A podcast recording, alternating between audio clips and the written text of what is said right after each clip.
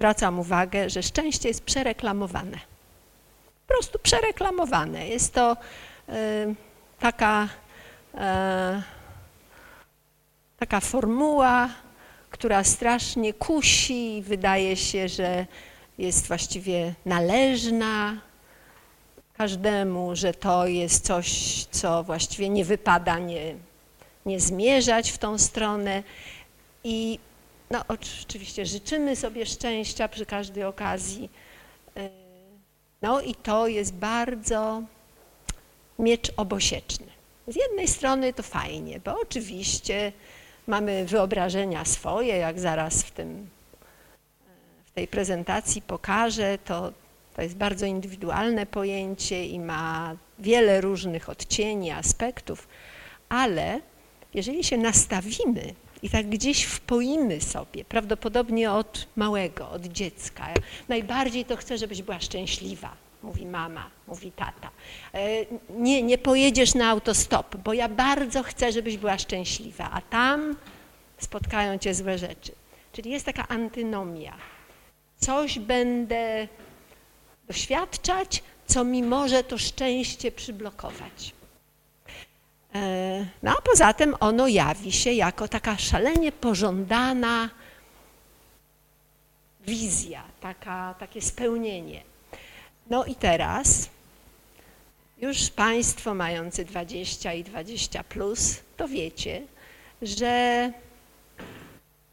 prawie niemożliwe, prawie po prostu no, nie, niewykonalne jest przejść, nie mówię życia całego, bo to daleką mamy drogę, ale żeby przejść jakiś odcinek, na przykład przez szkołę, na przykład przez przedszkole, na przykład przez zmianę adresu, na przykład przez rozczarowanie dotyczące tego, że myślałam, że ta Gosia to jest fajna koleżanka, a ona mnie oplotkowała. Czyli zbieranie materiału, takiego mięsa, z którego wyciągamy wnioski na temat życia, pokazuje dosyć szybko, już nawet bardzo małym dzieciom, że dużo jest rozczarowań, a można je nazwać w ogóle lepszym słowem, psychologicznie rzecz biorąc, nawet rozczarowanie czy zawód, to jest strata. No a strata kojarzy się od razu z żałobą, z żalem, z wyrzutem, z pretensją. No i teraz widzimy, że tych doświadczeń mamy bardzo dużo. A tutaj nastawiamy się, tak jak gdyby robimy sobie obietnicę, że dążymy do szczęścia, bądź szczęśliwa, najważniejsze to jest osiągnąć szczęście. No i tu jest konflikt. I to konflikt nie wynikający z tego, że źle definiujemy jakieś pojęcia, tylko z tego, że w takim rozumieniu, że bądź szczęśliwa, to w obliczu tych różnych właśnie rozczarowań, przykrości, strat, a nawet zadań, które są po prostu normalną sprawą, przygotować się do klasówki, przygotować się do sesji, y, kupić nie wiem, rower nowy, jak nie mam pieniędzy i tak dalej, to to jest bardzo trudne, trudne. No i gdyby za każdym razem ktoś robił gwiazdkę i odnośnik i pisał życzę Ci szczęścia, tylko wiesz, że to będzie bardzo trudne. Albo najważniejsze to jest, żebyś była szczęśliwa, tylko gwiazdka, ale to będzie od Ciebie strasznie dużo wymagało. Prawda? I to tak rozumiane szczęście, no to dzisiaj sobie o nim właśnie w ten sposób porozmawiamy, ale szczęście jako błogostan, który spływa, bo, bo po prostu tak ma być, a zwłaszcza jeżeli ktoś myśli, że no to jest zadanie na życie. Zadanie na życie to jest mam być szczęśliwa. No i tu można się potknąć raz, drugi, dziesiąty, a poza tym dosyć szybko jeżeli się przekonamy, że to upragnione, to co nazywamy szczęściem, a może ktoś przeżywa przez jakiś moment uczucie i myśli sobie, o, to, to żeby zawsze, zawsze, żeby to było. No i okazuje się, że zawsze to nie może być, bo to już jest nasza neurofizjologia tak ułożona, że się po prostu desensytyzujemy na wszystko. W związku z tym wtedy co się dzieje? Wtedy wyciągamy mylny wniosek. Dzisiaj znowu postaram się, żeby ten wniosek już był taki adekwatny, prawidłowy. Nie, że szczęście jest wobec tego nieosiągalne, tylko trzeba je przedefiniować. Trzeba e, w ogóle zacząć szukać go, jakby patrzeć w inną stronę niż w ten stan euforycznej, czy jakiejś błogiej, czy bliskiej nirwany, jakiejś takiej duchowej wzniosłości. To się zdarza, ale tego się nie osiąga trwale. Po prostu nie ma takiej możliwości. No i wtedy się człowiek nie rozczarowuje, nawet może używać tego słowa szczęście. Ja na przykład teraz jechałam i myślę, ach, wiem jak zacznę, ale miałam szczęście, uniknęłam korków. Albo, ale miałam szczęście, zobaczyłam zarośla, a ponieważ przyjechałam z psem, to pies nie może siedzieć w samochodzie, myśli sobie, dobrze, miejsce takie, gdzie ona sobie tam poczeka, aż skończę pracę. Czyli szczęście można w ten sposób odbierać, jako doraźne, właściwie przez siebie wykreowane, albo przynajmniej z własnym udziałem osiągnięte sytuacje. I to jest w ogóle najlepsza formuła. No ale teraz chyba już, a nie, jeszcze nie. No widzisz dziewczynko, tobie się udało i co teraz? No więc po tym, jak zaczynam spotkanie, warsztat, wykład, szkołę i jest jakaś ten megafon, mikrofon nie działa, coś się psuje, to mi sobie, a, mogłabym w ogóle nie słyszeć, w jakim języku mówimy, w ogóle nie znać nazw ulic, a wiedziałabym, że jesteśmy w Polsce. Dobrze, to może rozszyfrujemy, czy mój mikrofon działa? Działa. Rozszyfrujemy wobec tego ten temat, bo szczęście jako umiejętność jest takim e, właściwie e, zaprzeczeniem troszeczkę potocznego rozumienia szczęścia, prawda? Ktoś się urodził pod szczęśliwą gwiazdą, ktoś ma szczęście w życiu, ktoś e, żyje w taki sposób, że jego szczęściu sprzyjają warunki, okoliczności, rozmaite e, wpływy, względy, czynniki. No a tutaj szczęście jako umiejętność. No to się wiąże z tym, co powiedziałam wcześniej, że E, jeżeli rzeczywiście, a nie ma powodu rezygnować i powiedzieć sobie, a skoro to szczęście to jest takie trudno osiągalne, to dajmy sobie z tym spokój. To już niech sobie będzie, co będzie. Nie, dlatego że jednak e, pewne nastawienie, taka busola w życiu, która nas ma prowadzić w, w kierunku czy ku celowi, który sobie wybieramy, ona odgrywa dużą rolę, dlatego że ona eliminuje na przykład niepotrzebne zajmowanie się takimi rzeczami, które są zbędne albo wręcz zwodnicze. No i teraz do szczęścia warto dążyć, ono samo w sobie jest dobre i piękne. Więc jest to coś, co jest uniwersalnie pożądane i takie właśnie dające poczucie spełnienia, radości, satysfakcji. W każdym razie same ma pozytywne skojarzenia. Tylko wtedy ma negatywne skojarzenia, uwaga, ale to jest żart, jeżeli to kto inny, nasz konkurent ma szczęście. To wtedy, no ale to, jak powiedziałam, jest żart. Natomiast do szczęścia warto, warto się nastawić na to szczęście. Ale jeżeli spojrzymy na to tak, jak zatytułowałam ten temat, czyli szczęście jako umiejętność, to otwieramy sobie drogę. To jest dobra wiadomość. To jest najlepsza wiadomość.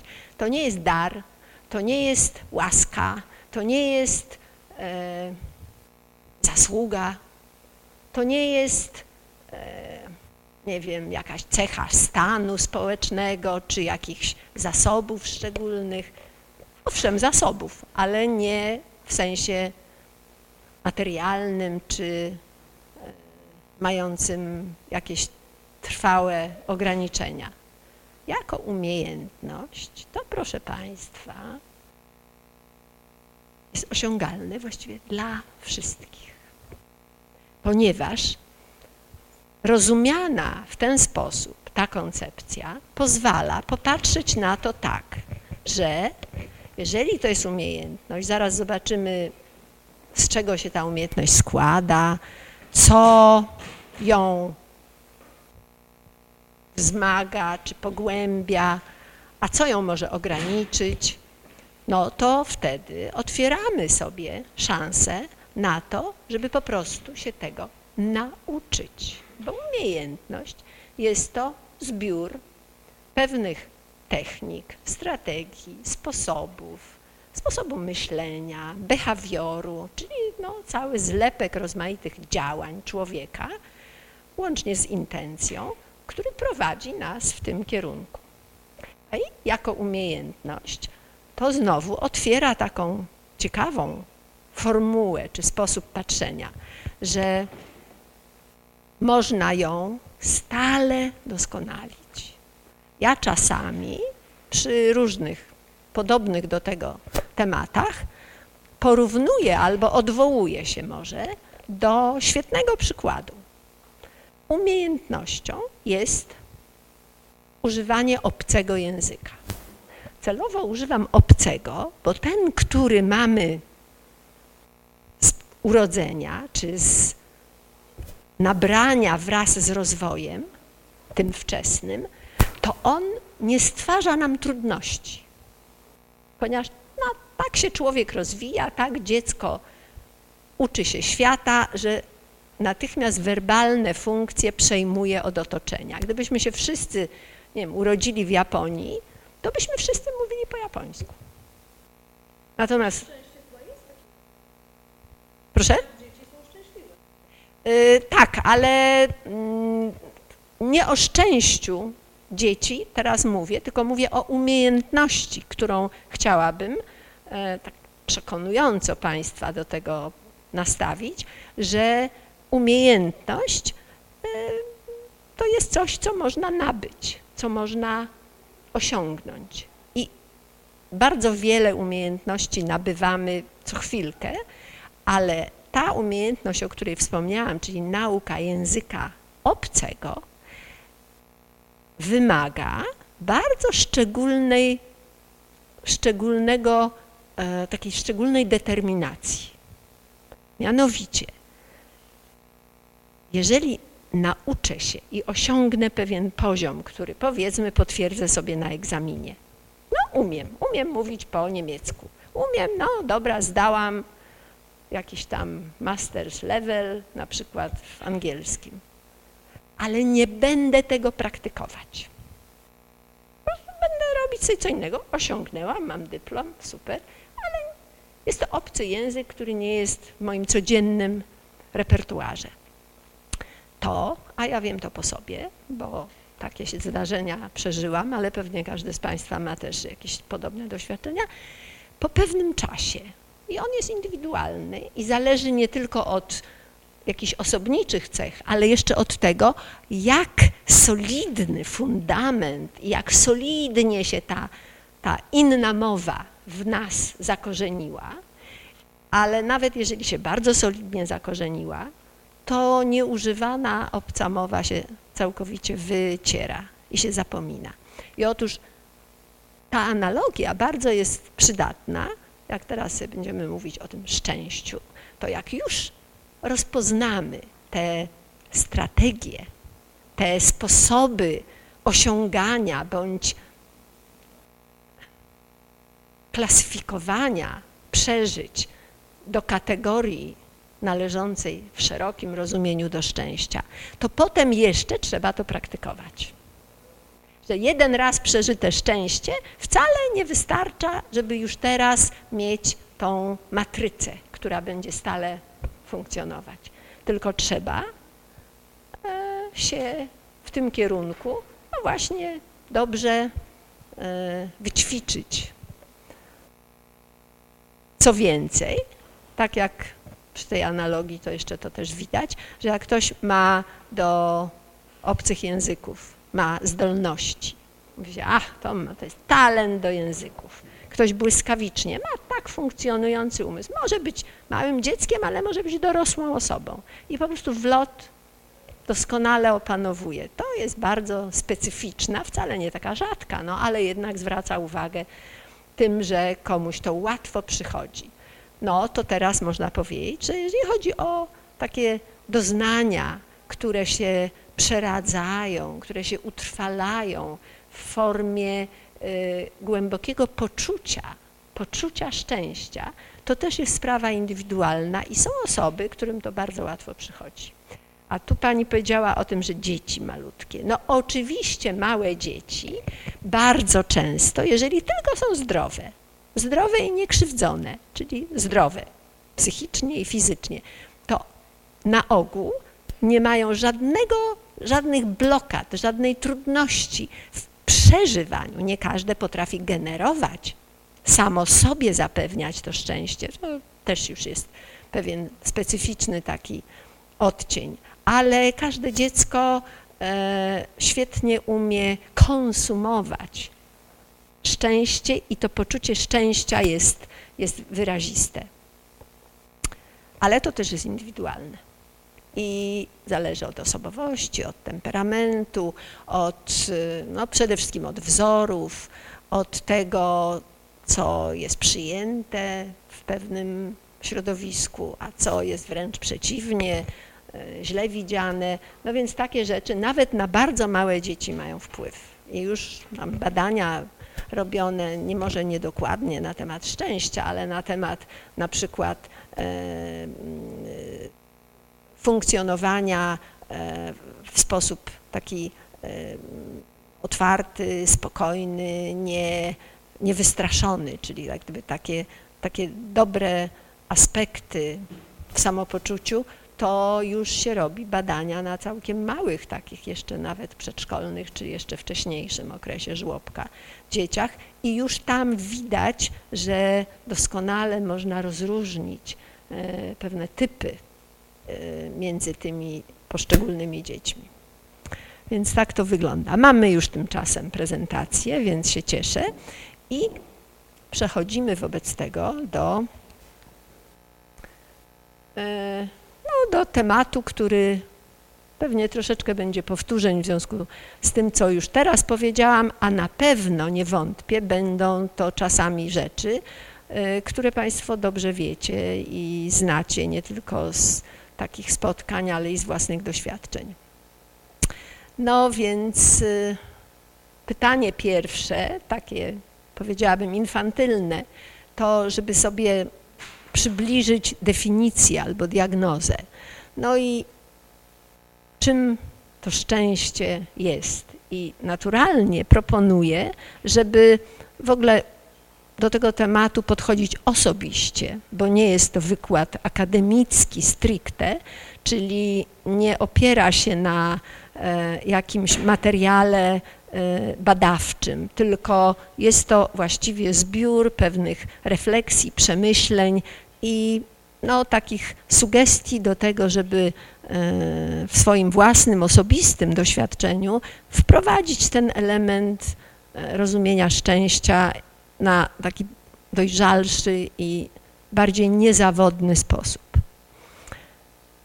Może to jest poczucie spełnienia, czyli spełnienie to jest tylko wtedy osiągalne, gdy człowiek do czegoś dąży i to osiągnie. I to może być kwestia nawet bardzo zróżnicowanych celów, ale nie ma poczucia spełnienia, jeżeli nie mam żadnego celu. Po prostu, czyli są osoby, które są y, po prostu mało takie proaktywne na pytanie, a co lubisz, a czego byś chciała, a właściwie wszystko jedno. A co ci odpowiada? A wiesz, bez znaczenia. No to takim osobom bardzo trudno osiągnąć poczucie spełnienia ponieważ tu jest wiązanie pomiędzy tym, czego chcę, do czego dążę, a udaje mi się osiągnąć. Ważnym elementem takiego dobrego poczucia, które jest blisko znaczne z pojęciem szczęścia, to jest duma z własnych osiągnięć. No i znowu, niezależnie od tego, jakie to są osiągnięcia, wcale nie trzeba myśleć od razu o Noblu albo o jakichś nadzwyczajnych faworach, ale osiągnięciem może być cokolwiek, co ja robię, pod warunkiem, że uważam to za wartościowe, że sprawia mi to poczucie takiej, takiej szczególnej radości. To może być, nie wiem, pieczenie ciasta, hodowanie e, piesków, zajmowanie się ogródkiem albo oglądanie telewizji, ale jeżeli robiąc cokolwiek mam, mogę sobie, bo to chodzi tylko o relacje ja, ja, ja ze sobą, jeżeli mogę powiedzieć sobie, że wspaniale to robisz, świetnie, to daje to poczucie dumy, daje to poczucie takiej, takiej właśnie radości z siebie samej. No i tutaj jeszcze raz to powtarzam, że to, czego się dokonuje, to już nawet właśnie u małych dzieci widać, yy, zwłaszcza gdy nie są to sprawy, które same przychodzą, które same się dzieją, tylko raczej a ponieważ wiele rzeczy, nawet jeżeli ktoś ma niesamowicie uprzywilejowane życie i ma masę wygód i masę usług, które e, za niego wypełniają te zadania, to i tak są niektóre albo wiele, można na to tak popatrzeć, które wymagają wysiłku.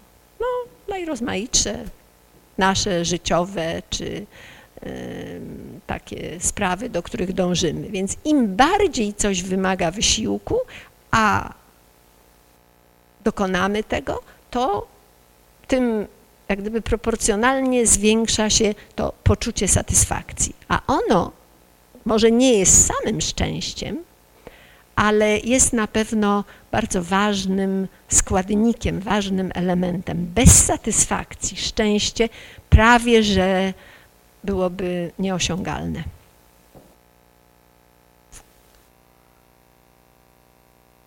No i tutaj od razu tak filozoficznie, bo pomyślałam sobie, że e, Państwu takich prostych rzeczy nie trzeba ani tłumaczyć, ani Was przekonywać. Natomiast pojęcie sensu jest już właściwie z kategorii filozofii, a nie psychologii nawet i może być no nie tyle kontrowersyjne, co nieuchwytne, co trudno, takie trudno definiowalne. No i ten sens później rozkładam na elementy, że to jest coś dobrego. No bo, yy, bo teraz patrzymy nie abstrakcyjnie, tylko jednak w kontekście tej wcześniejszej planszy, kiedy ma coś nam dać satysfakcję, ma coś napawać nas zadowoleniem, dumą, taką, takim poczuciem, no, poczuciem wartości własnej. I dlatego sensem na przykład nie będzie prowadzenie wojny, tylko sensem będzie wygranie bitwy, jeżeli chcę zawładnąć czyimś terytorium, jeżeli uważam to za dobre. Więc wcale nie jest to uniwersalna wartość i po jednej stronie mogą być ludzie, którzy będą to podziwiać, ale po drugiej stronie może być ktoś, kto będzie to potępiać. I to wiemy bardzo dobrze, że to wartościowanie to jest tak... E, tak skomplikowana rzecz, że w ogóle w tej chwili o tym nie mówimy, tylko raczej przenieśmy się na płaszczyznę bardzo indywidualnego, własnego, osobistego doświadczenia. No i rozum, wtedy będziemy rozumieć sens e, jako coś dobrego, co robimy dla siebie i dla tego, w czym odgrywamy jakąś rolę w życiu. No więc teraz, skoro to ma mieć osobisty wymiar i taki bardzo, e, nawet bym powiedziała, intymny, taki, e, że mi tego nie można kwestionować, skoro to jest coś, co ja osobiście sama chcę dla siebie, czy chcę, żebym przeżywała. To może. I bardzo wiele, bardzo wiele osób, myślę, że ja w jakimś tam okresie życia też bym przysięgła, że szczęście to jest jak najwięcej przyjemności. No i teraz popatrzmy, jak to wygląda. I to nie jest nic złego, można tak sobie pomyśleć, ale czy to przypadkiem nie zaprowadzi nas w taką stronę, gdzie do tego szczęścia będziemy mieć dalej, a nie bliżej? Jeżeli szczęście będziemy rozumieć w sposób e, taki nadrzędny, taki nadający ton życiu, czyli trwały. Przyjemności to są rozmaite doznania, ale na ogół mają charakter zmysłowy, chociaż intelektualny też mogą mieć. Nie wiem, przeczytanie e, dobrej książki. Wprawdzie nie dotyczy to żadnego zmysłu takiego fizjologicznego, ale też może być tylko czystą przyjemnością. Może to być po prostu e, książka, z której nie płynie nic poza czymś, co jest dobre, ładne, piękne, miłe, kompletnie bezwartościowe. E, no ale właśnie, z przyjemnościami mamy pewien problem. Można by powiedzieć, że szczęście to jest po prostu namnożenie w życiu tylu przyjemności, że już na nic więcej nie będzie miejsca i wtedy to jest stan, który najbardziej nam odpowiada. Jest właśnie taki, jakiego sobie wszyscy życzymy na urodziny. Tylko, że przyjemności to są doznania, które są przemijalne.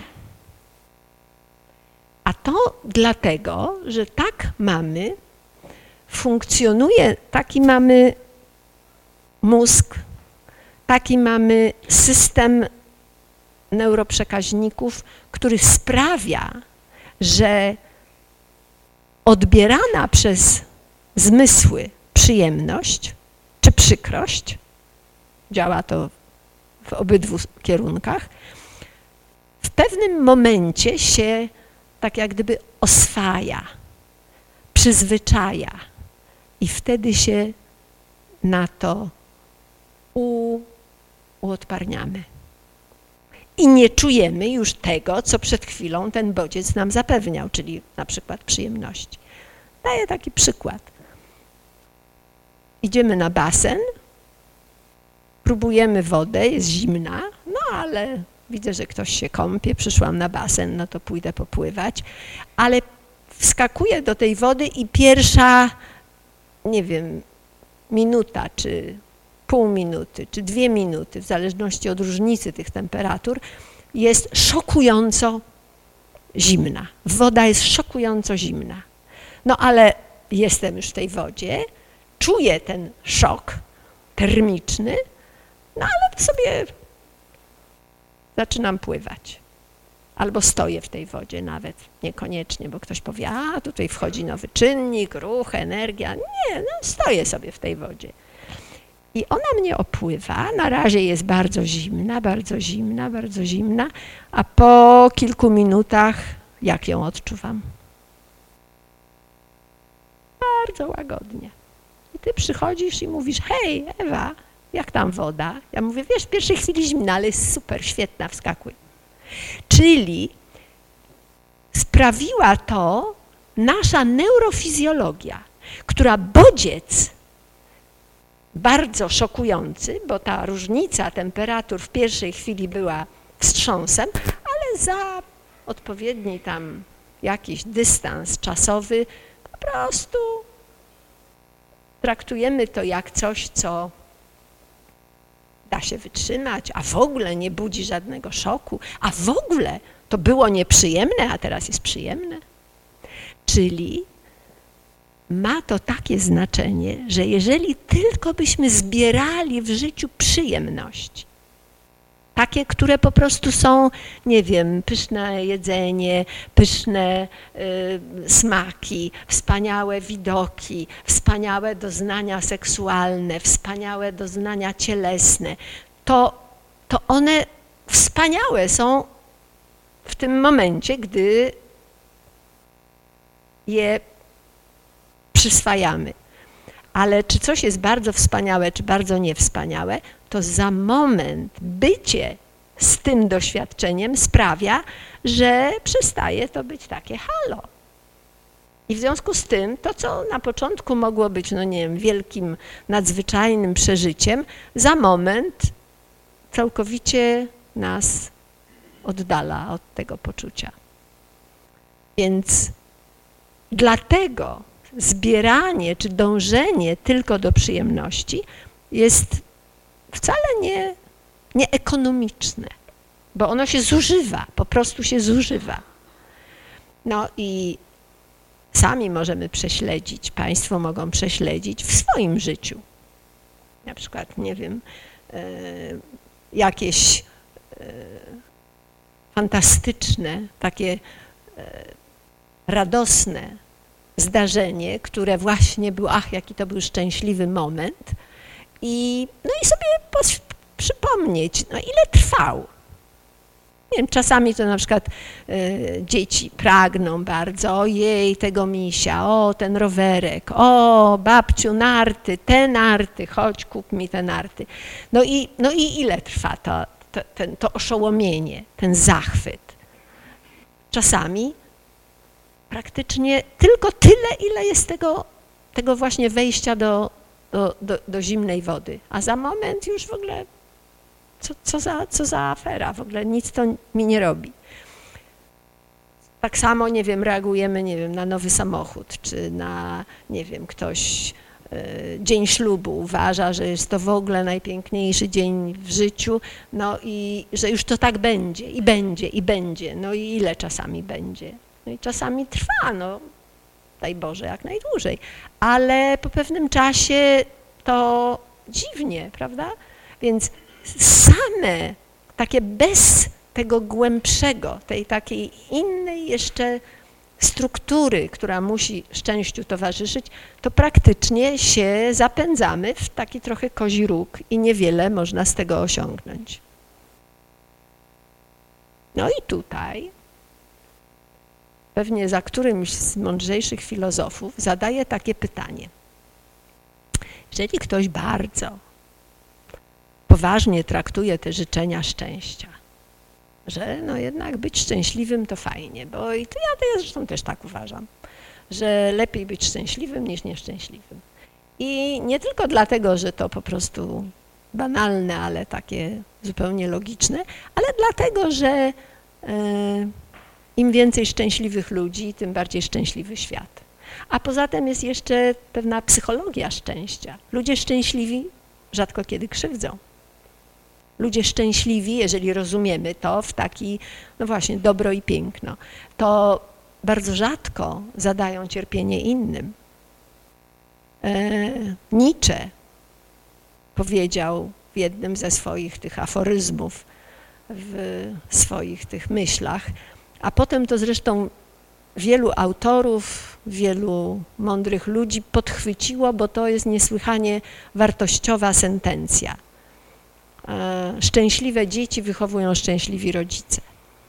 Czyli to nie jest tak e, całkowicie bez znaczenia, albo że szczęście to się ma tylko na swój rachunek.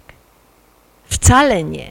Dlatego jak rozmawiamy o takim temacie, to sobie myślę, że, że on jest niesamowicie ważny, bo właściwie trzeba się tego nauczyć. To jest taka powinność człowieka, takiego człowieka humanisty, człowieka dojrzałego, bo, yy, bo to powiększa dobro, wartość świata. Więc to jest niesłychanie ważny czynnik, ważny element.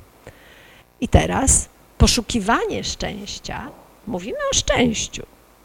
Czy może zamienilibyśmy to? Też byśmy mówili o szczęściu, tylko w innej troszeczkę kolejności. I moglibyśmy powiedzieć, że można tak, poszukiwać szczęścia albo przeżywać szczęście poszukując. Z tego wynika kilka takich logicznych wniosków czy refleksji. Jeżeli się nastawimy na poszukiwanie jeszcze, oto ja będę robić różne rzeczy, żeby osiągać ten stan nadzwyczajnego, wyjątkowego poczucia szczęścia, no to będę jednak ponieważ w każdym z nas jest troszkę małego dziecka. Ono zostało, gdzieś tam sobie siedzi i się dopomina, żeby być słyszalne. I to dziecko w nas chce przyjemności, ponieważ tak rozumiane szczęście jest naj, najbardziej naturalne. Wobec tego będziemy chcieli, będziemy chcieli, będziemy poszukując szczęścia, będziemy pomnażali, będziemy robili takie rzeczy, które dają nam właśnie przyjemności. Czyli robili dużo zakupów, jedli dużo smacznych rzeczy, dużo słodyczy w szczególności, bo to działa tak na ośrodek przyjemności, że on tam dostaje takiego oszołomienia. Czyli będziemy zaspokajać te swoje takie, takie żądze przyjemności. No ale też stan zaspokojenia potrzeb. Przy czym nawet bardzo dojrzałym ludziom, bardzo świadomym, głęboko rozumiejącym siebie samych, bardzo trudno rozróżnić między tym, co jest moją zachcianką, a moją potrzebą. Bardzo wielu z nas po prostu, a to nic nie szkodzi, bo to w powszednim życiu to żaden problem. Natomiast w analizowaniu dróg do osiągnięcia takich dużych wartości, jak na przykład szczęście, to już może być trudność, ponieważ e, dążenie do zaspokojenia potrzeb jest uprawnione, jest, jest dobre, jest właściwe, a dążenie do zaspokojenia zachcianek jest coś takiego jak deser. To, je, to, to jest fajne i to wieńczy jakieś nasze e, dążenia czy działania, ale jednak e, wcale nie, nie jest niezbędne do życia. No ale ponieważ nam się to myli, więc bardzo często trwonimy masę energii, masę zabiegów, żeby spełniać zachcianki, podczas gdy one niekiedy tylko niepotrzebnie na przykład zużywają energię albo zużywają jakieś zasoby, pieniądze, czas i tak.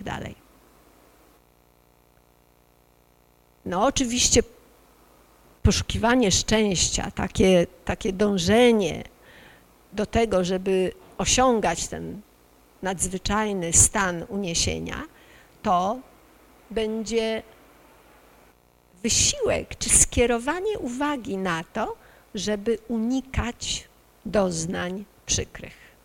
No bo to samo przez się się rozumie. Ponieważ chcę być szczęśliwa, to nie chcę mieć przykrości. No a czasami przykrością jest jakiś sygnał, który mi mówi, że nie wiem, powinnam zrobić jakieś badania, bo właśnie ostatnio, yy, nie wiem, mam z górną szóstką kłopot ale ponieważ nie chcę tego traktować jako zadanie do wykonania, czy jako sprawę, którą muszę rozwiązywać, to, no to zacznę łykać tabletki przeciwbólowe. Albo ponieważ mam przed sobą jakieś trudne sprawy, a nie jestem wprawna, nie umiem sobie z tym łatwo poradzić, to ponieważ łatwo nie umiem, a trudno nie chcę. Wobec tego będę uciekać od tego. I można uciekać w dosłownym sensie. Zostawiam i odchodzę. Różne zachwiane przyjaźnie, e, jakieś skłócone związki, mm, trudną uczelnię. Ja po prostu biorę i to i zostawiam i odchodzę. A mogę e, na przykład uciekać nie w dosłownym sensie, tylko w takim metaforycznym i mogę na przykład zażywać cokolwiek, co mi pozwala o tym nie myśleć. I to jest też droga do szczęścia. Ja jestem w takiej swojej podstawowej specjalizacji e, e, specjalistką w dziedzinie uzależnień i nie spotkałam ani jednego setek, setek, setek pacjentów. Nie spotkałam nigdy nikogo, ani kobiety, ani mężczyzny, ani młodszego, ani starszego, kto, kto byłby człowiekiem szczęśliwym. Także ten alkoholizm, czy narkomania, czy jakieś tam hazardy, czy seksomania, czy rozmaite ucieczki, one zawsze są ucieczką od nieszczęścia. Te nieszczęścia są bardzo subiektywne. No i ktoś popatrzy z boku i powie, o co jej chodziło? Wszystko miała. No ale na przykład tatuś wolał, żeby była synkiem. I już koniec. I zapadła się w taką czeluść, że nie dało się nawet wyciągnąć. Czyli uciekanie od rozmaitych bolesnych doświadczeń, czy przykrości doraźnych, czy jakichś trwałych, czy związanych z tożsamością, to jest częsty problem, ponieważ się dąży do szczęścia, to jak jest nieszczęście, to muszę od niego uciec. No i unikanie wysiłku, cierpienia, bólu. E, często też, ponieważ właśnie wysiłek uważa się za nieszczęście, no to też rezygnuje z wysiłku i właśnie Wczoraj rozmawiałam z młodą dziewczyną, która nie poszła na egzamin licencjacki, bo mówię, że za trudny, że sobie nie poradzę, że no i po prostu nie poszła, uciekła, bo założyła, że zdawanie egzaminów musi być łatwe, a ponieważ jest trudne, no to, to nie. I to dążenie do tego, żeby za wszelką cenę cokolwiek zrobić, żeby mieć ten high, to niestety jest zgubne. No i ten ostatni punkt to taki, że w ogóle z różnych, niekoniecznie zawodowych, ale takich y, życiowych spraw, y, które po prostu się nie chce tego robić, bo człowiek chce być szczęśliwy. No to nie będę szorować podłogi, no to nie będę myć okien, no to dziecko chce iść nie wiem, do teatrzyku, czy poczytać mu książkę. No nie będę się bachorem zajmować, bo ja chcę być szczęśliwa, chcę sobie posiedzieć przy tańcu z gwiazdami.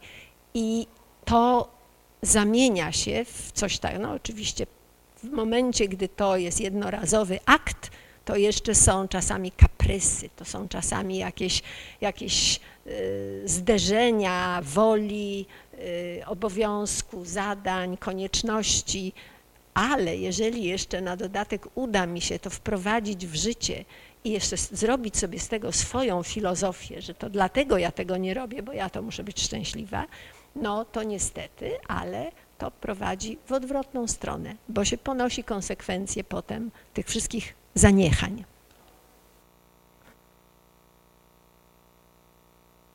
No i teraz już oczywiście powtarzam, bo poprzednio już o tym też była mowa, ale tak dla własnego oglądu, dla refleksji, y, no to po prostu trzeba samej sobie, każdy sam sobie może y, zadać takie pytanie, ponieważ najgorzej jest, ja często właśnie swoim pacjentom mówię, ale ja już taki jestem, a wiesz, a jak ja o tym myślę, to zawsze tak myślę no to ja takie miałam powiedzenie, bardzo im się podobało. Nie jesteś amebą. Człowiek nie jest amebą. Nawet jak ci się coś wydaje, to teraz weź to, obejrz, porozmawiaj. Jak sam nie masz wglądu albo oglądu, to pozwól uzyskać, pozwól sobie uzyskać informacje zwrotne i obejrz, w którym miejscu jesteś i co naprawdę uważasz. No i tutaj jest taki jeden z przykładów, że można myśleć,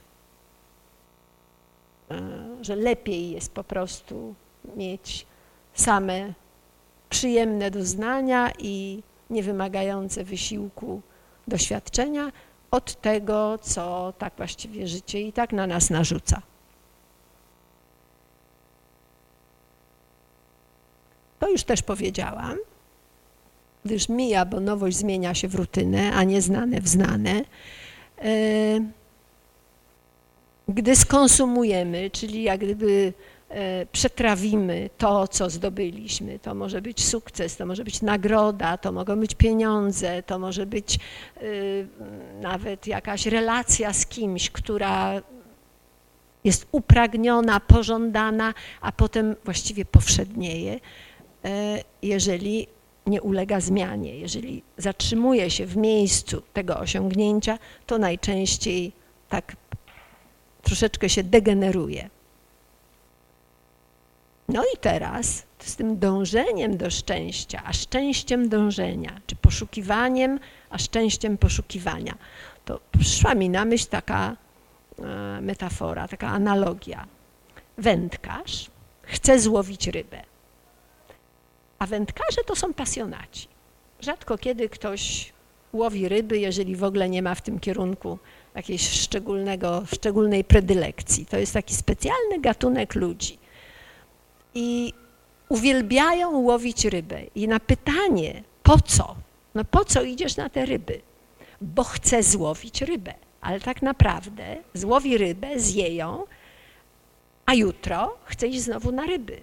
I czasami siedzi po kilka godzin albo jeszcze więcej i nie złowi ryby. I mówi, ale miałem piękny dzień. Cały dzień łowiłem ryby. Coś w tym mnie urzeka. Wydało mi się, że może nie umiem tego tak wyartykułować, ale że tam tkwi jakaś fenomenalna recepta. No, oczywiście łowienie ryb to jest jedno, ale na przykład ktoś czyta książki, a ktoś się uczy na przykład języków, a ktoś urodzi dziecko i mu to, to, to, to go uskrzydla. Ją, nie go. I potem to dziecko ma i ma i ma i nadal jest uskrzydlone. Chociaż chwilę wcześniej mówi, największym szczęściem dla mnie będzie, jak urodzę dziecko. No ale nie samo urodzenie, tylko, tylko to, że potem jest coś, co jest kontynuacją tej drogi, która jest jednocześnie dążeniem samym. Z tym wędkarzem to jest prostsze, ale, ale rozumiemy się. To chodzi o taką rzecz, żeby wy, wynaleźć w sobie, wy, wypracować może, może zgadnąć, może dopytać, może ktoś lepiej to wie, a nie ja sama. Co jest takiego, co mnie porywa, co mnie w sposób nie tak jak wskoczenie do basenu, albo jak zjedzenie spaghetti alla carbonara, albo wyjazd do, wszystko jedno, atrakcyjnego kurortu. Tylko coś, co może się zamienić w ten trwały kierunek, w którym szczęście nie jest, że ja je już mam, tylko ja już wiem, gdzie ono jest, ja za nim idę, idę, idę, idę, ale wiem, że idę tam, a nie w przeciwnym kierunku albo nie zmieniam spojrzenia.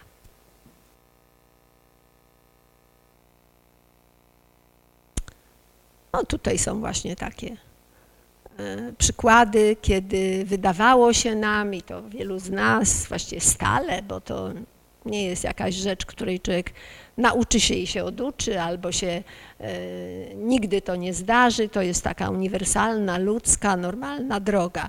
Nam się wydaje, że czasami osiągnięcie jakiegoś nawet bardzo szczytnego, jakiegoś niezwykle wartościowego celu, że to jest tym synonimem szczęścia. No i na tych przykładach już wiadomo, że w momencie, gdy się to osiągnie, to albo człowiek zaczyna się rozglądać za czymś innym, albo zaczyna bardzo żałować, że to osiągnął. I nawet mówi się tam, nie wiem, ludzie, którzy zajmują się pisarstwem, niedawno rozmawiałam z takim starym panem pisarzem i on mówi, że po napisaniu książki to on właściwie cierpi. Wobec tego ostatnio to już w ogóle nie pisze, bo nie może sobie tego robić, nie może tego znieść. No oczywiście można to uszanować, a myślę, że nie pisze dlatego, że już wszystko napisał, no ale nieważne, jak on sobie to tłumaczy. Ale tak naprawdę to yy, osiągnięcie jakiegoś celu źle jest, jeżeli zamyka drogę. Powinno być właściwie takim nizaniem koralików, takim budowaniem drogi, budowaniem y, jakiejś perspektywy. Natomiast jak ktoś zamyka perspektywę, to przeważnie mamy uczucie straty, uczucie, żalu po tej stracie, uczucie czegoś, co się skończyło, czegoś, co minęło. I to zawsze będzie wzbudzało raczej smutne, czasami nawet bliskie rozpaczy, czasami jakieś dramatycznie bolesne uczucie, e, że coś przegrywamy. A takie niedobre uczucie, nie chodzi o to, żeby, żeby całkowicie je negować. Można je przeżywać, tylko że najczęściej wokół niego powstaje trochę tak jak od rzuconego kamyka na wodzie są kręgi. To rzutuje na nasze otoczenie, na jakość tego naszego życia, więc w tym sensie to raczej inteligentnie jest y, te trudne momenty pomagać sobie przechodzić jak najszybciej. W taki sposób, żeby one nie rozlewały się i żeby nie zabarwiały jakimiś ponurymi barwami tej rzeczywistości naszej.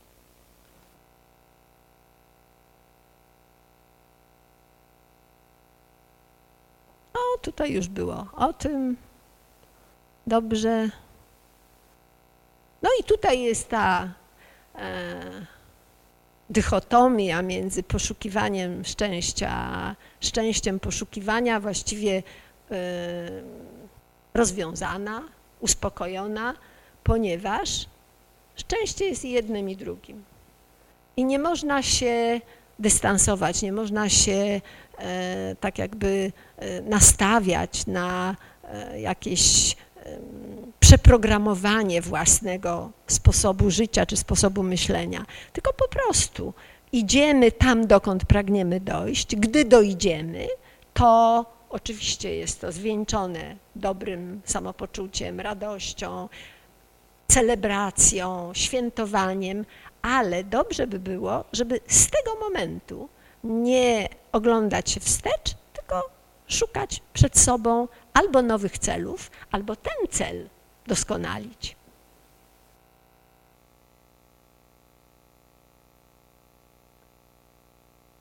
Tutaj jest taka dygresja właściwie, bo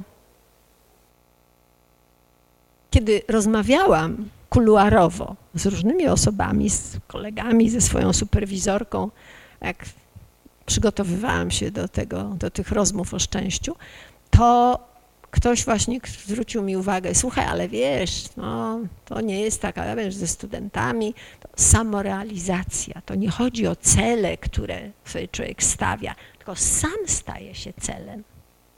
Poczucie wartości ma dzisiaj świetną markę. To jest jeden z najważniejszych aspektów e, czy kryteriów y, samooceny. Bardzo dużo ludzi w ogóle mówi, a nie, wszystko u mnie w życiu jest fajnie, wie pani, ale ja nie mam poczucia wartości. Więc to poczucie wartości jakoś funkcjonuje w świadomości jako coś bardzo ważnego. I czasami oczywiście nieprawdą jest, że nie mam poczucia wartości. Czasami się je gdzieś lokuje w złym miejscu albo się je przypisuje jakimś zewnętrznym uwarunkowaniom ale jednak samorealizacja stanowi jeszcze na dodatek ciekawy dosyć aspekt tego dążenia do szczęścia, ponieważ możemy ulec rozmaitym naciskom, e, brakom, e, trudnościom i nie móc urzeczywistnić jakichś zewnętrznych celów. Ale w słowie samorealizacja celem jestem ja sama no to dopóki żyję, to mnie samej mnie nie zabraknie. I to jest fantastyczne. Czyli ludzie, którzy właśnie nastawiają się na to, że moje szczęście osiągnę, jak ja będę robić to, co ja umiem, jak będę dzielić się tym, co ja mam dobrego, jak będę obdarzać tym, czyli samorealizacja jest jakąś formułą na to, żeby się odczepić od pretensji do świata. Niech on sobie jakiś jest, ale ja, ja mam też nie, nie nieograniczoną, ale jednak największą kontrolę to mam nad sobą, a nie nad czymś innym. I to może być dobrym kluczem, do, takim wytrychem do tego, aby osiągać poczucie satysfakcji, zadowolenia, dumy, radości, przyjemności. Proszę, w jednym mamy całą kombinację. Ale to wtedy, kiedy ja sama potrafię w tej samo mojej własnej realizacji siebie, no, dobrać taką układankę, taką konstelację i zadań, i osiągnięć, i celów, i pragnień, i potrzeb, i zachcianek, żeby mi w tych równaniach, żeby wychodzić zawsze na plus. I to ja na przykład poznałam, zauważyłam, i tu mi się przypomina w tej chwili, że bardzo często do takiego momentu, do takiego etapu może człowieka doprowadzić jakieś wielkie nieszczęście, jakaś wielka strata, na przykład kalectwo. Taką osobą jest Janina Ochojska. Takimi osobami są ludzie, którzy biegają mając protezę. Takimi ludźmi są, niedawno byłam na jakimś pokazie tenisowym i grali dwaj panowie na wózkach. Czyli samo, ale ja nie proponuję nam tego, tylko mówię, że to mi nasunęło, że jeżeli ja mogę coś osiągnąć poprzez osiągnięcie dla siebie samej jakiegoś poziomu, który mnie wynosi, który mnie umacnia, to ten rodzaj szczęścia, to już mi tego nikt nie zabierze. To żeby się skichał, to ani mi zła pogoda nie przeszkodzi, ani mi jakieś tam cudze ploty, czy braki, czy Czyli to jest, i dlatego samorealizacja jest takim elementem, który, no właśnie, warto mieć na uwadze, gdy człowiek no, eksploruje te możliwości osiągania szczęścia. No i tutaj oczywiście jest kwestia odpowiedzialności, kwestia bycia wartościowym, kwestia no bo to wszystko składa się na to, że człowiek ocenia siebie w sposób albo dodatni, albo ujemny.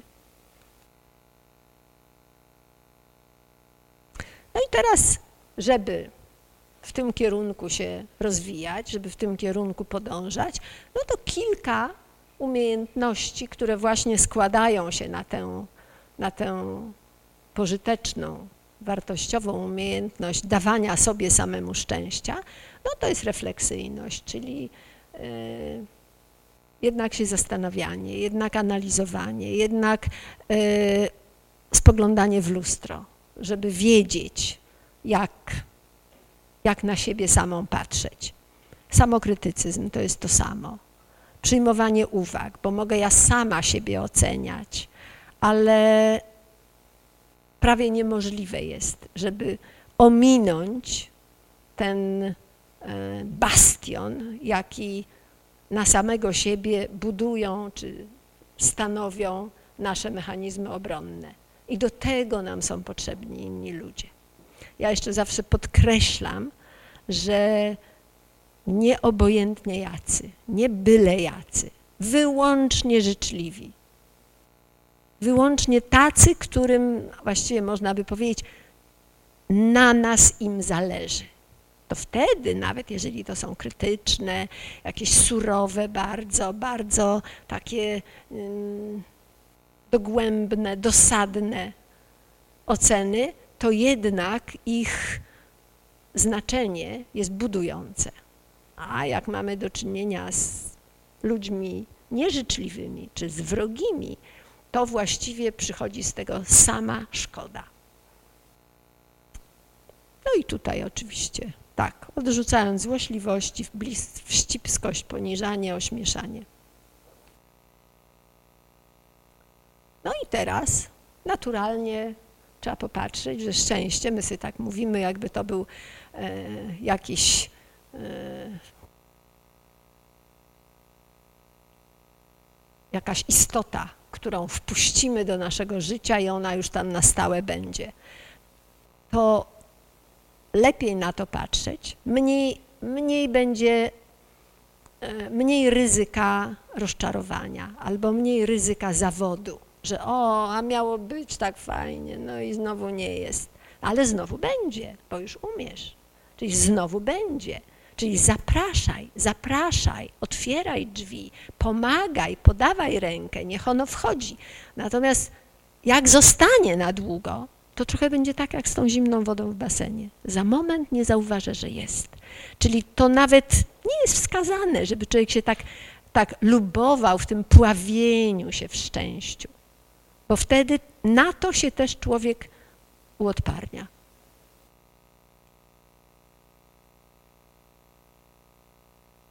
No i teraz tu jest e, zapożyczona od mojego męża taka jego, jego e, pomysł. On studentom swoim od razu na pierwszych zajęciach, jak ma do czynienia z nową grupą, to zawsze mówi e, na wszystkie zajęcia moje, proszę przynosić mi na kartkach papieru w przededniu naszego spotkania wypisane pięć rzeczy, co się zdarzyło dobrego w Twoim życiu osobistym, co się zdarzyło dobrego w Twoim mieście i co się zdarzyło dobrego w, twoim, w całym świecie e, w ciągu ostatnich na przykład kilku dni. No i to nie jest głupia zabawa. To jest oczywiście zabawa, ale ci studenci, oni potem piszą mu jakieś tam oceny i tak dalej i na ogół e, podkreślają, że po raz pierwszy w życiu zobaczyli, jak im się fajnie żyje. Oczywiście im się też nie fajnie może żyć, ale zwłaszcza, że on ma te takie międzynarodowe klasy, a to jakiś Nepal po trzęsieniu ziemi, a to jakaś Syria po wojnie, a to więc to są ludzie, którzy często mają za sobą doświadczenia no, prawie że tortur. Ale, ale takie spojrzenie jest no, niesamowicie, niesamowicie optymistyczne i pomagające.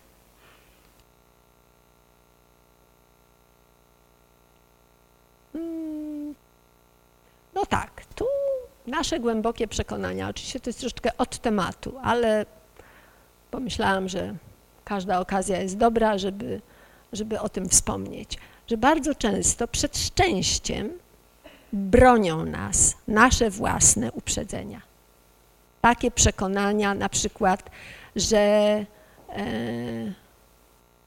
mam metr pięćdziesiąt, a uważam, bo, bo to jest moje głębokie przekonanie, skąd je nabyłam, to już nieważne, że ludzie niscy to nie mają powodzenia. Albo mam szerokie biodra. Uważam, że to jest nieładna cecha urody. Czyli jeżeli ja mam głębokie przekonania negatywne na swój temat, albo nie tylko na swój, na przykład, że Polacy to są jacyś. Wobec tego będę się tego wstydzić. Albo jestem Żydówką, a to jest gorzej niż nie być Żydówką. Czyli głębokie przekonania dotyczące różnych rzeczy związanych ściśle z moją ścieżką życiową. Mogą, mogę nie wiem co tańczyć huculskie tańce i nie wytańczę uczucia szczęścia, ponieważ głębokie przekonanie negatywne może całkowicie to zablokować. Dlatego trzeba weryfikować, trzeba to poddawać takiej, takiej E, selekcji i po prostu uczyć się roz, rozszerzać własne horyzonty, żeby w tych nieszczęśliwych uprzedzeniach nie tkwić. No i tu oczywiście dlatego to jest możliwe, bo człowiek jest osobą myślącą, nie jest amebą. I jak się komuś do tej pory zawsze wydawało, że urodzić się w małym miasteczku jest gorzej niż w, dużym, w dużej metropolii, to jeżeli o tym zacznie myśleć, to oczywiście dojdzie do wniosku, że to bzdura. Albo jeżeli ktoś uważa, że nie wiem, mieć 70 lat to jest już właściwie całkowicie nie ma co się po świecie poruszać, bo to jest czysty wstyd, to oczywiście, że trzeba to zmienić. Więc od nas w dużym stopniu zależą te e, procesy, uzdrawiania negatywizmu, które, który może utkwił, jak taka ość w gardle, utkwił z powodu takich właśnie przesądów, głębokich przekonań negatywnych, które mogą w żaden sposób nie dopuścić do tego, żeby człowiek kiedykolwiek poczuł się szczęśliwy. No i tu jeszcze raz taka ryba. No a teraz wymyśliłam psychozabawę. Jak my z czasem wyglądamy. Już kończymy, czy jeszcze nie? Bardzo lubię układać psychozabawy. Kiedyś się tego nauczyłam, jak pracowałam z taką agencją reklamową Headlines i oni robili rozmaite kampanie reklamowe i trzeba było, a to o stresie, bo akurat e, środki mm, antyperspiranty jakaś firma propagowała, a to z kolei o y, przyjaźni, bo y, tam ktoś ładne samochody robił i tak dalej, więc nauczyłam się robić te psychozabawy i jedną właśnie dla Państwa specjalnie przygotowałam. Proszę odpowiadać tak lub nie i sobie zaznaczać czy zapamiętywać, ile jest tak, powiedzmy. Czy potrafisz żartować ze swoich niedociągnięć albo wad? Czy poszłabyś ze sobą do ślubu? Albo czy poszedłbyś ze sobą do ślubu? Czy codziennie robisz coś, z czego jesteś dumny albo dumna? I to są takie punkty, które dotykają, no nie wprost, ale poczucia wartości. Tego, czy ja uważam siebie za kogoś fajnego? Potem dalej. Czy o swoich sekretach rozmawiasz z co najmniej trzema osobami? Czy masz z kim przeżywać codzienne radości i smutki? Tak lub nie? Czy jest ktoś, kto zawsze cieszy się na Twój widok? To z kolei dotyczy relacji. Czy mamy w swoim życiu relacje, które nas uszczęśliwiają, budują? Czy spędzasz w ruchu co najmniej godzinę dwa razy w tygodniu? Czy Twoje ciało dostarcza Ci więcej przyjemności niż frustracji? Czy dla rozrywki lub zabawy potrafisz odstąpić od planu? To są punkty, które dotykają tej sfery życia, która wiąże się z naszą biologią, z naszą neurofizjologią, z takim Y, ułatwianiem sobie y, po prostu biologicznej, dobrej energii. Czy zawsze masz się czym zająć, kiedy musisz długo czekać? Czy praktykujesz jakieś zajmujące hobby? Czy umiesz prędko wybaczać i nie rozpamiętywać przykrości? Czy wierzysz, że w każdej sytuacji sobie poradzisz? No i teraz odpowiedzi. Kto ma 9 do 13 tak?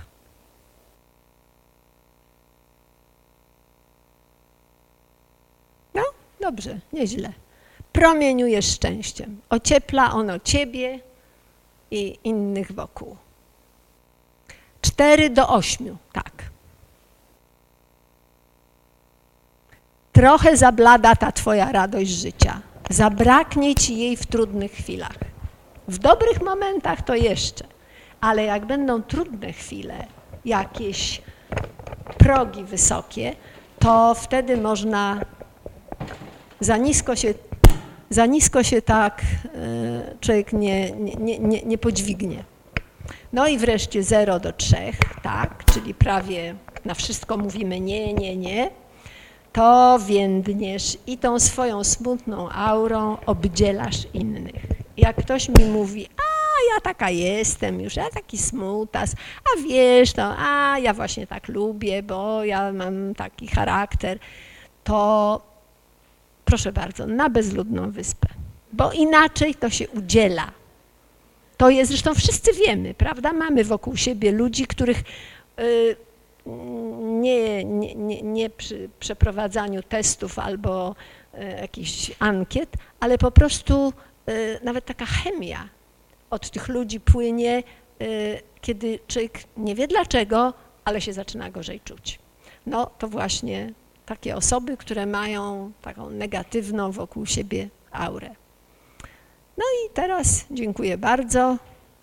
Kończymy i będę oddawać Państwu.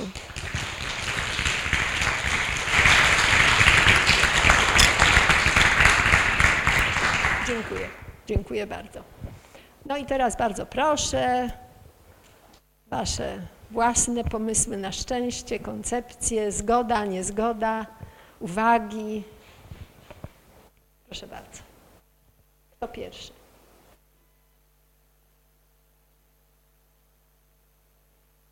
Proszę.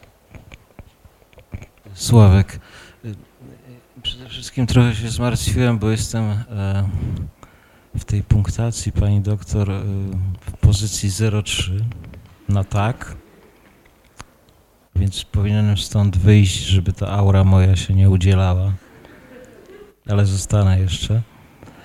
I jedno zdanie jeszcze, że mm, ktoś kiedyś powiedział takie mądre słowo, mądrą rzecz, że e, nie wiem kto to był, ale nieistotne, że to co, e, że to chyba jest trochę z zakresu szczęścia, że e, to co zostawiasz sobie dla siebie, to stracisz, a to co dasz komuś pozostanie na zawsze twoje. Dziękuję. Dziękuję. Bardzo enigmatycznie to brzmi, ale pięknie, prawda? Dzięki. Proszę bardzo. Czy ma Pani jakąś metodę na to codzienne utrzymywanie jakiegoś tam poziomu, tudzież ćwiczenie szczęścia? Tak? Taka uniwersalna. Nie wiem, czy w ogóle istnieje, ale rzucam kamyczek. Tutaj było bardzo dużo e, takich nie wprost sugestii, ale wie Pani, jak Pani weźmie ten test, te punkty, które wyliczyłam, 13, szczęśliwa trzynastka, i te, na które Pani odpowiada nie, podda weryfikacji. Dlaczego nie rozmawiam o swoich problemach z innymi ludźmi? Tu pani Wojdyło mówi, że co najmniej trzy takie osoby. No nie mam, z mamą nie mogę, bo mnie krytykuje. Z koleżankami nie mogę, bo... a takie to i te koleżanki. Więc trzeba sobie szukać. Ale to jeden przykład. Albo drugi. No nie robię codziennie żadnej rzeczy, z której byłabym dumna. Hej, to zacznij robić. Nie ma tutaj żadnych tajemnic. Wie pani, to jest, to jest właśnie może dlatego tak troszkę bym powiedziała, mm, pewnie zostawię dużo niedosytu, bo może się spodziewaliście, że to będzie jakaś taka, no nie wiem, protuberancja jakiejś, jakichś nadzwyczajnych pomysłów. Nie, dlatego że szczęście ono jest w tobie, ono jest. I teraz tylko czy je dopuścisz do głosu, czy nie. A skąd my wiemy? Bo tu pani powiedziała najwspanialszą rzecz na samym początku. Dzieci są po prostu zawsze, no byśmy powiedzieli, dzieci to są szczęśliwe, prawda? Po czym tylko, tylko chore dzieci i krzywdzone nie są. No to już wiemy. Ale w zasadzie każdy z nas był takim dzieckiem.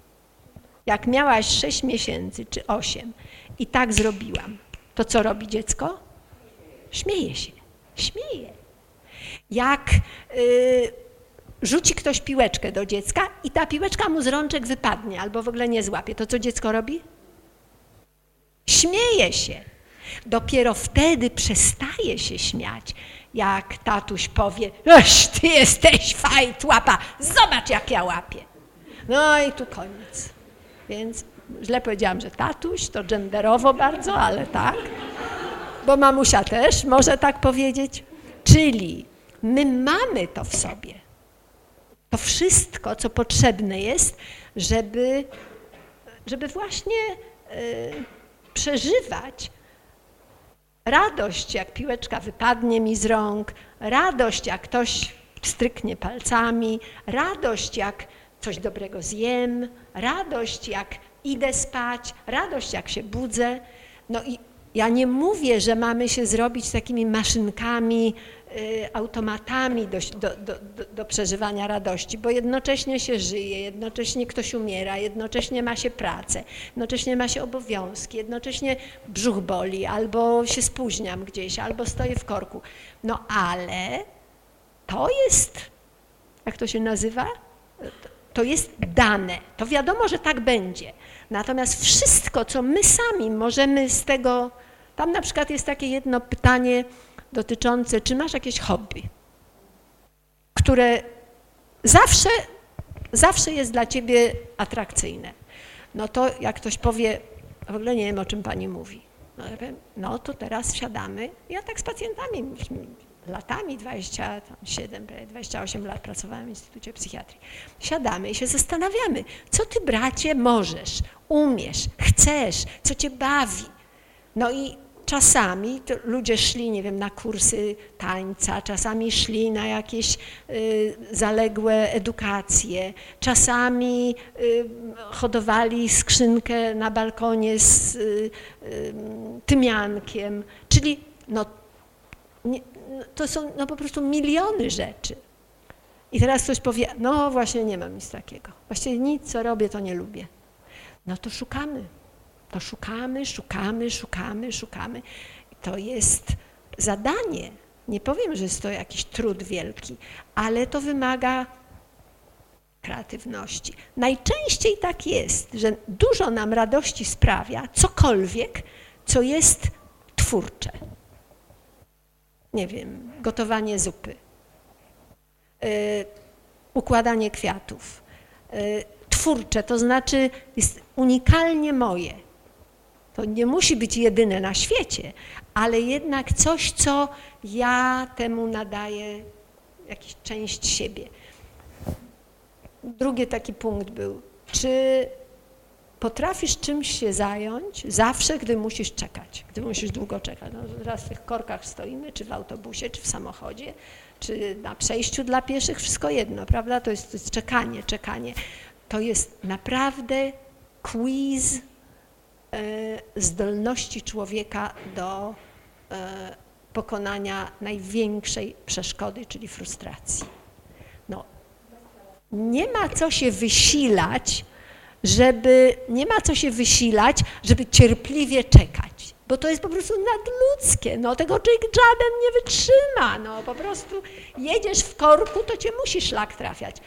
Ale jak sobie puścisz twoją ulubioną płytę, albo słówka niemieckie, albo nagrane pioseneczki twojego młodszego brata, który właśnie jest rozrywkowy i bawi się w ten sposób, albo przez siebie samą nagrane Y, notatki do najbliższego egzaminu. To obojętne to może być coś, co jest pożyteczne, a może być wyłącznie słucham Elvisa Presleya albo wszystko jedno, coś tam. Czyli znajduję jakiś sposób na to, żeby się nie dać tej frustracji. Ja jej nie zwalczam. Ja po prostu mówię jej do widzenia. Więc jak pani popatrzy na te 13 punktów, to prawdopodobnie znajdzie Pani tam, nie wiem, trzy czy cztery, które już dziś może Pani doskonale wy, wy, wyćwiczyć. Ale jest jeszcze coś. Ja, jest taka książka, Siła nawyku. A, znakomita zresztą. A, amerykańskiego dziennikarza, który w ogóle dostał chyba Pulitzera, tylko za inną jakąś pracę, ale znakomicie pisze. I on nie jest ani uczonym, ani psychologiem, ani w ogóle e, badaczem, ale pozbierał genialne zupełnie przykłady pokazujące, jak niesamowicie człowiek jest produktem nawyków. Wszystko, co się w naszym życiu dzieje, to myśmy się gdzieś kiedyś wdrożyli w to. No i jak sobie Pani myśli o takim temacie jak szczęście, czy jakaś zmiana, która może zwiększyć prawdopodobieństwo tych dobrych doświadczeń, to po prostu trzeba to praktykować. I jak człowiek się tego nauczy, to już potem nie umie inaczej. To już po prostu nie umie inaczej. Dlatego, że jeżeli człowiek jest nastawiony na to, że z wszystkim sobie poradzi, no jak nie poradzę sobie sama, to zawsze jest jakiś, ktoś, nie wiem, policja, prawo, koleżanka, mama, ciocia, wujek, dyrektor, no w różnych sprawach. Czyli nawet w takich sprawach można się uzbroić, można mieć arsenał środków, który doskonale można zastosować do tych po- potrzeb bieżących, które nam to szczęście chcą zagrabić. Proszę bardzo. Dziękuję. No właśnie to, y, co Pani powiedziała ostatnio, że y, z wszystkim sobie poradzę. Jak się miało takiego ojca, który cały czas mówił, że wszystko się źle robi i się ma to zaprogramowane w głowie, y, jak, jak to zmienić? Bo ja na przykład mam masę hobby i, i robię bardzo dużo rzeczy, które mnie uszczęśliwiają, ale między tymi hob- hobby to wstaję rano i się czuję nieszczęśliwa. Czy jest jakieś lekarstwo na to? No, coś nam wdrukowali ci nasi, e, te nasze autorytety. I to wdrukowane, no rzeczywiście strasznie trudno wypreparować, wyrzucić. Ale ja, wie pani, teraz powiem tak troszkę żartobliwie, ale właściwie tylko trochę żartobliwie. E, Jak przychodzi do mnie ktoś szukając pomocy terapeutycznej i właśnie mówi podobną rzecz, że tam kiedyś ktoś nauczył mnie czegoś, co mi dzisiaj bardzo w życiu przeszkadza, to ja mówię. A no dobrze, to będziemy się tym zajmować, ale najpierw, czy może pani wyjąć dowód osobisty? O co chodzi? No to wyjmuję dowód osobisty i ja mówię, proszę zobaczyć, na datę urodzenia, ile pani ma lat? Jeżeli troszkę więcej niż 13, 14, co pani tatuś dzisiaj zrobi? To jak ktoś mi to mówi, to ja mówię, a się tam rozpycha i rozpiera. To ile razy ten tatuś głosem swoim się odzywa, to ulubionego poetę weź, może być pan Tadeusz, i ucz się na pamięć. Jak zaczniesz się uczyć na pamięć, już będziesz przy trzynastej księdze, to już nie będziesz pamiętała, jak się nazywasz, a nie tylko, co tatuś powiedział.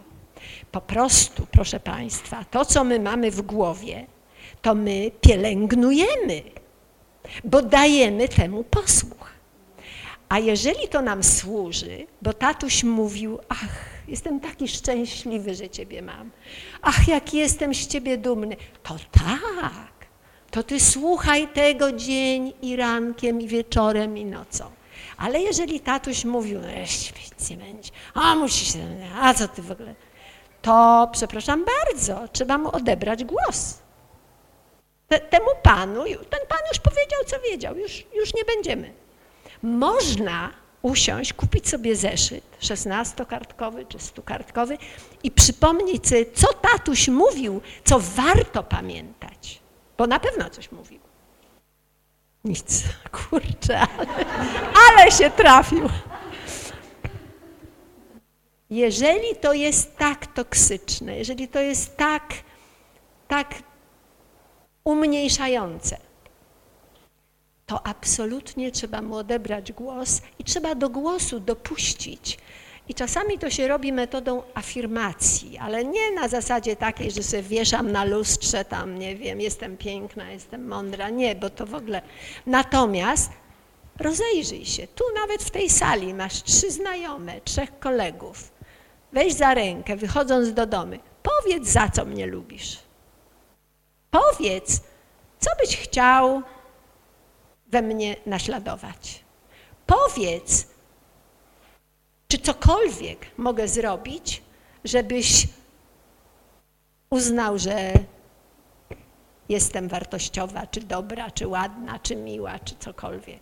Czyli trzeba te głosy y, zneutralizować, ale nie na zasadzie nie miał racji, nie miał racji, nie miał racji, bo to, no to jest, to jest nie, nie- niemożliwe. Tylko trzeba sobie samej pokazać. Nie miał ten pan racji. No przepraszam bardzo, no nie miał. Miał prawo się mylić? Miał. Mógł być niekompetentnym tatą? Mógł.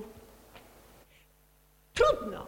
I tu droga prowadzi do tego, że najpierw muszę dopuścić do głosu te, te zdrowe, te lepsze informacje, a potem jemu po prostu wybaczyć. No, No niestety miałam tatę młota. No, no miałam, był przystojny, miał piękne loki, jestem do niego podobna, dlatego jestem taka ładna. No ale niestety nie miał podejścia. I już. I po prostu ma prawo, może, był dobrym ojcem, bo mi dał życie, to Hellinger tak mówi. Uklęknij, podziękuj, pokłoń się, powiedz, dobra, tato, dziękuję, nie byłoby mnie bez ciebie, ale już teraz zapomnij o tym, że masz na mnie wpływ. Czyli jednak trzeba w to włożyć troszeczkę takiego i pomysłowości, i kreatywności, i wysiłku, no i poza tym innych ludzi. Dlatego, że sama sobie nie powiem tego. Ja muszę się dowiedzieć od kogoś. Dlatego zresztą takim, e, no nie chcę powiedzieć tam ciężkimi słowami, okrucieństwem czy dolegliwością, jest to, że rodzice tak często, oczywiście, jak nam mówią, ale to dla twojego dobra, dziecko. Jesteś okropna. Dla twojego dobra nic z ciebie nie będzie. To dla twojego dobra. No, dzieci tego nie wiedzą, ale już dorosły człowiek to myśli, Boże, biedny gość, musiał mieć kompleksy. Szkoda, że nie umiał, szkoda, że nie mógł wtedy, nie wiem, przeczytać książki, pójść na wykład, zapytać kogoś. Więc czasami to jest taka, e, taka no, trudność, ale wszystko, co wiąże się z utrwaleniem, czy takim powracaniem do tych przykrych rzeczy, graniczy, a czasami jest wręcz użalaniem się nad sobą.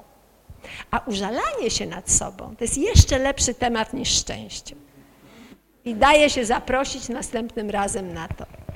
Bo użalanie się nad sobą to jest podtrzymywanie siebie w roli ofiary. I to jest wtedy na własne życzenie, własnymi siłami, z użyciem własnej energii, ze stratą własnych możliwości, Trzymam się kurczowo jak pijany płotu. Nie odpuszczę i zostaję w tym miejscu, które jest takie przykre. Więc to absolutnie jest rzecz do, do korekty, do zmiany.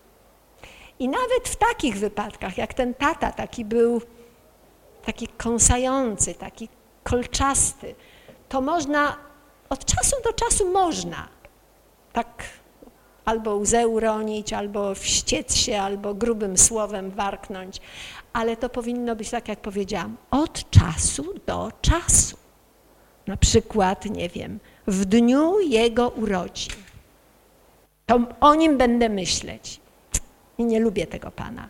Albo jak idę do niego na grób, to o kurczę, no i widzisz, jakbyś był, to bym ci coś jeszcze powiedziała, ale już cię nie ma, szkoda ale to jest naprawdę, to, to może być raz na pół roku najwyżej, parę minut.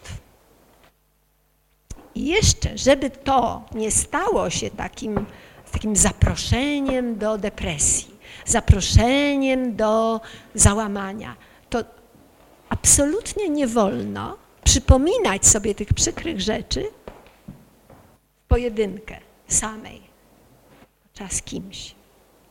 Jak mam przyjaciela, mam męża, mam koleżankę dobrą, mam nawet sąsiadkę, panią Marysię, która jest serdeczna i miła.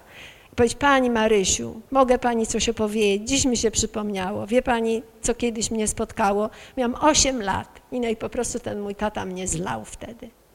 I niesprawiedliwie, bo to nie ja złamałam mu tam coś, tylko mój brat. A on się na mnie wyzwierzył. Czy pani wie? I co pani Marysia wtedy na to powie?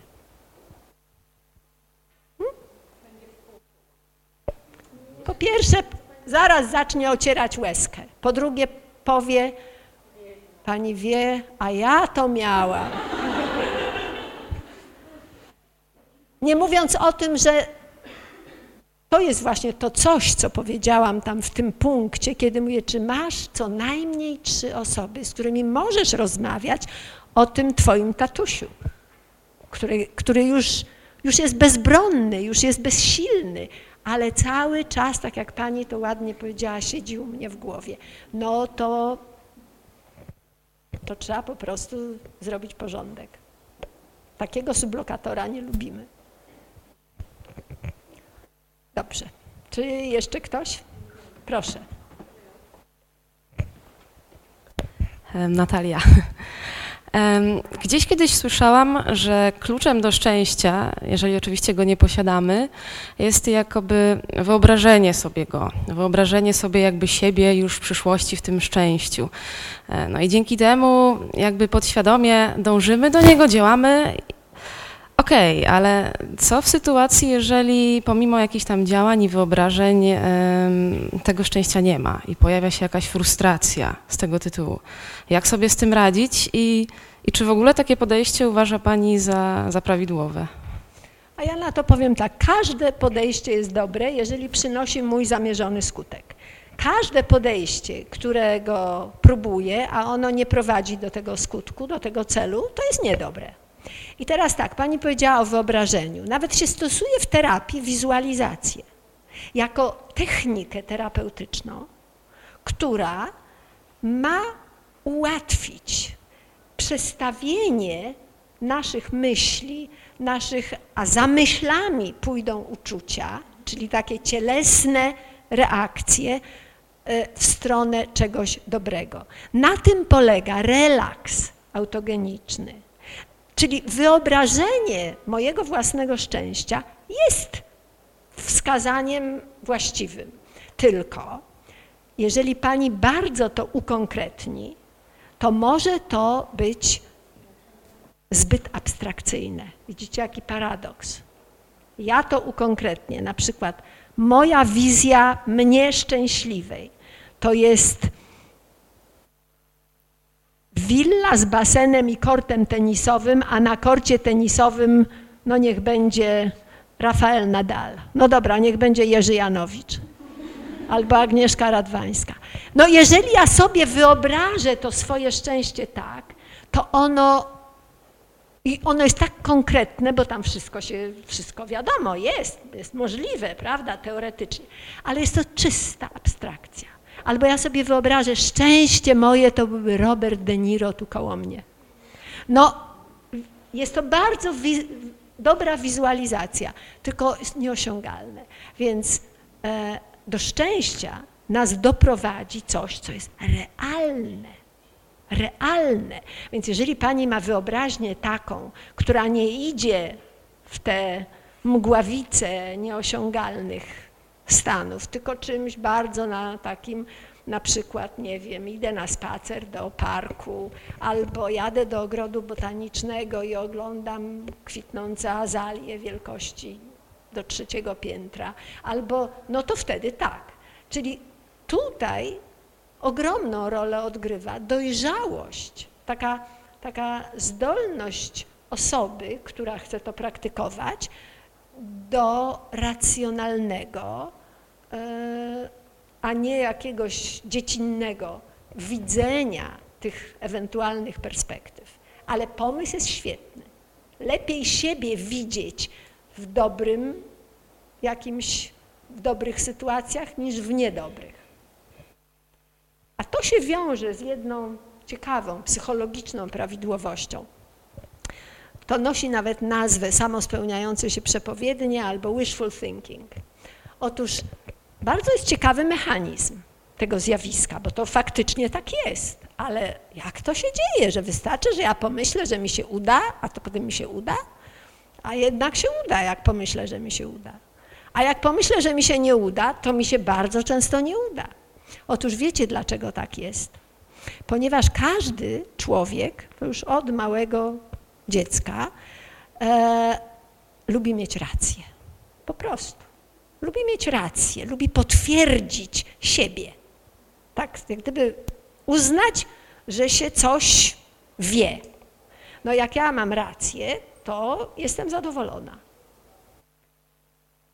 W tym jest taki prosty zabieg. Jeżeli ja mówię, że mi się coś uda, albo że będę szczęśliwa, to ja chcę i zrobię wszystko podświadomie, żeby to osiągnąć, bo ja lubię mieć rację. A jak ja sobie powiem, no ale ja to pochodzę z takiego kraju jak Polska, żyję na jakimś slumsowym osiedlu, e, mam 70 lat, e, nic już mnie nie czeka, no to już właściwie będę nieszczęśliwa. To mi się to też sprawdzi. Więc to jest jakiś mechanizm taki prawie na pograniczu magii, ale on bardzo się dobrze w życiu realizuje. Ja jako dedykację do swoich książek, ponieważ wiele ich podpisuję, dużo tych książek napisałam, to często w ogóle używam takiego ładnego e, aforyzmu czy zwrotu i piszę, jeżeli, to zwłaszcza moim pacjentom, jeżeli uważasz, że ci się uda i jeżeli uważasz, że ci się nie uda, to masz rację. To tak a propos. Jeszcze pani chciała. Może rzeczywiście. Y, Myśląc o szczęściu, y, myślę sobie, że zbyt często unieszczęśliwiamy się patrząc na to nasze szczęście z pozycji deficytu. W sensie e, patrzymy, jak dużo nam do tego szczęścia brakuje, zamiast założyć, że my już jesteśmy szczęśliwi i że tak naprawdę możemy być jeszcze bardziej, jeszcze bardziej, jeszcze bardziej szczęśliwi, a nie, że nam tyle brakuje. Jest taka myśl e, Lema, który pisał do Mrożka. Bądź dobrej myśli, bo po co być złej. E, i To mi bardzo pasuje. Bądź szczęśliwy, po co być nieszczęśliwym. Dziękuję za tak wspaniałe zakończenie. Dziękuję bardzo.